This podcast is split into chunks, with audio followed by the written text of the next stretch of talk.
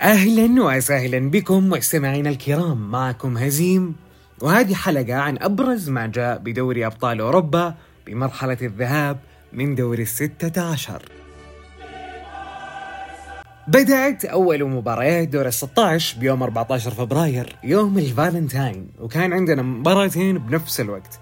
المباراة الأولى كانت بين ميلان ضد توتنهام هوتسبيرز والمباراة الثانية كانت بين باريس سان جيرمان ضد بايرن ميونخ وكانت مباراتين جيدة للأمانة.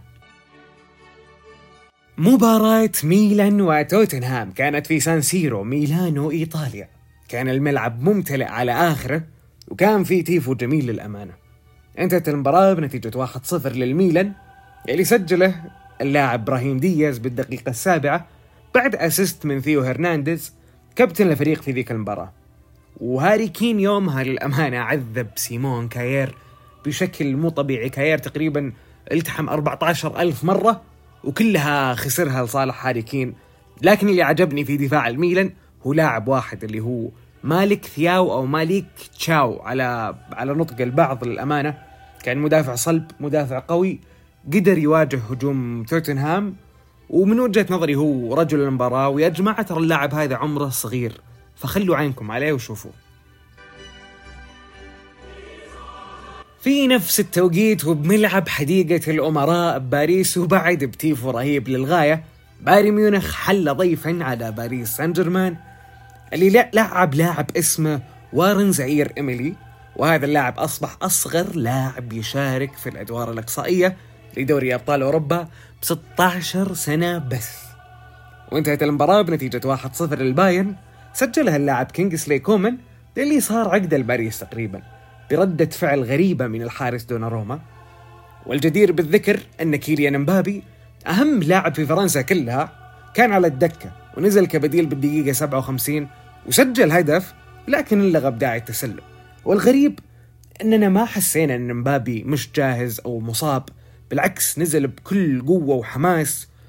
وأيضا في لاعبين من باريس سان جيرمان لازم يذكرون لأنهم قدموا مباراة ممتازة جدا. الأول هو الظهير البرتغالي نونو ميندش والمدافع الإسباني سيرجيو راموس بالطبع. ومن بايرن ميونخ هناك كان في جمال موسيالا اللي كان في هذه المباراة فارق وعنصر مؤثر جدا جدا جدا للأمانة. وانطرد اللاعب بافارد بالدقيقه 92 بعد تدخل على ميسي ليحصل على البطاقة الصفراء الثانية وتنتهي المباراة على هذه النتيجة. باليوم الثاني كان عندنا مباراتين. كلوب بروج استضاف بنفيكا البرتغالي في مباراة ما حد تفرج فيها تقريبا. انتهت بنتيجة 2-0 لبنفيكا. سجل أهدافهم جواو ماريو من ضربة جزاء بالدقيقة 51 والهدف الثاني سجله ديفيد نيرس الجناح البرازيلي بالدقيقة 88 أما في المباراة الثانية فكانت بين فريقي بوروسيا دورتموند اللي استضاف فريق تشيلسي في السيجنال إدونا بارك ألمانيا. وانتهت المباراة بنتيجة 1-0 لدورتموند. سجلها اللاعب كريم أديمي بالدقيقة 63 والمباراة ما فيها أي شيء جدير بالذكر إلا أن الله يكون بعون جماهير تشيلسي. في الأسبوع اللي بعده كان عندنا ثمان مباريات بعد والمرة ذي بنبدأ بمباريات الأربعاء لأننا بنطول بالكلام بمباريات يوم الثلاثاء وخاصة بمباراة ريال مدريد وليفربول. يوم الأربعاء كان عندنا مباراتين المباراة الأولى كانت بين لايبزيج الألماني ضد مانشستر سيتي الإنجليزي واللي انتهت بالتعادل بين الفريقين في أرض لايبزيج سجل هدف السيتي اللاعب رياض محرز بالدقيقة 27 وعادل النتيجة اللاعب اللي كل أندية أوروبا الكبيرة تبغاه حرفيا المدافع جفارديول. وتحس إن الفريقين كانوا يبون التعادل. ما كان في أي خطورة تذكر من السيتي وتأجل حسم المباراة هذه لملعب الاتحاد بمانشستر. في المباراة الثانية كان عندنا إنتر اللي استضاف بورتو في ملعب الجوزيبي مياتسا وانتهت المباراة بنتيجة 1-0 سجلها اللاعب البديل روميلو لوكاكو ال Big Rom بالدقيقة 86 عشان يطلع انتر بفوز مهم جدا على أرضه والجدير بالذكر إن لاعب بورتو أوتافيو انطرد بعد تلقيه البطاقة الصفراء الثانية بالدقيقة 78 وفي يوم الثلاثاء كان عندنا مباراتين. المباراة الأولى كانت بين آينتراخت فرانكفورت اللي استضاف نابولي نادي الجنوب الإيطالي. انتهت المباراة بنتيجة 2-0 لنادي نابولي. اللي تقريبا حسم الأمور من المباراة الأولى وكانت الأهداف من توقيع كل من اللاعب فيكتور أوسيمين بالدقيقة 40 والظهير جيوفاني دي لورينزو بالدقيقة 65 وفوق هذا كله كفاراتسخيليا ضيع ضربة جزاء بالدقيقة 86 وانطرد اللاعب كولو لاعب فريق أينتراخت فرانكفورت بالدقيقة 58 لتنتهي المباراة بهذه النتيجة. مباراة جحيم الأنفيلد اللي كان سيرك للأمانة أكثر من كونه جحيم ريال مدريد سيد دوري أبطال أوروبا. ينتصر على ليفربول في الأنفيلد وبخماسية مقابل هدفين.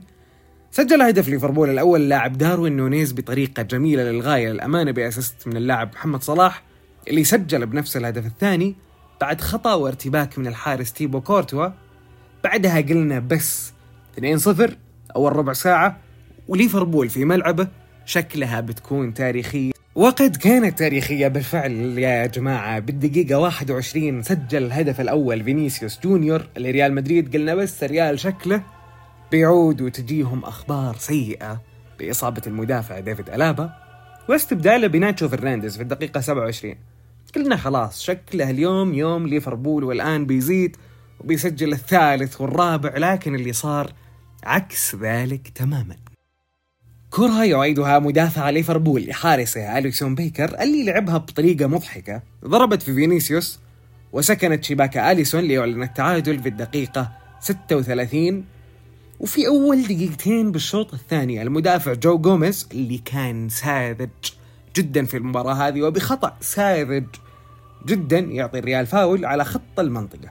يلعبها الفنان الأسطوري للأمانة لوكا مودريتش على رأس المدافع إيدير ميليتاو.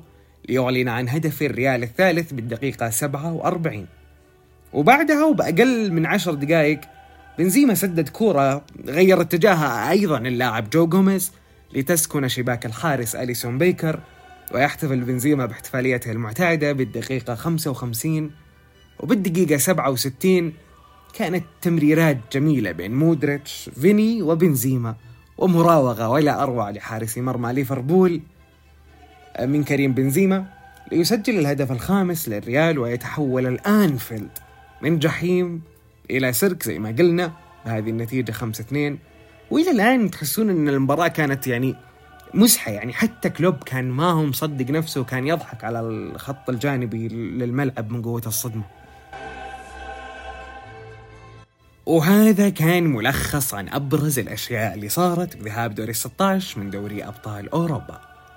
أتمنى أنكم استمتعتم بالمباريات اللي تابعتوها وأنكم استمتعتم بهذه الحلقة. لا تنسون تقولوا لنا توقعاتكم لمين بيتأهل الدوري الجاي بالتعليقات.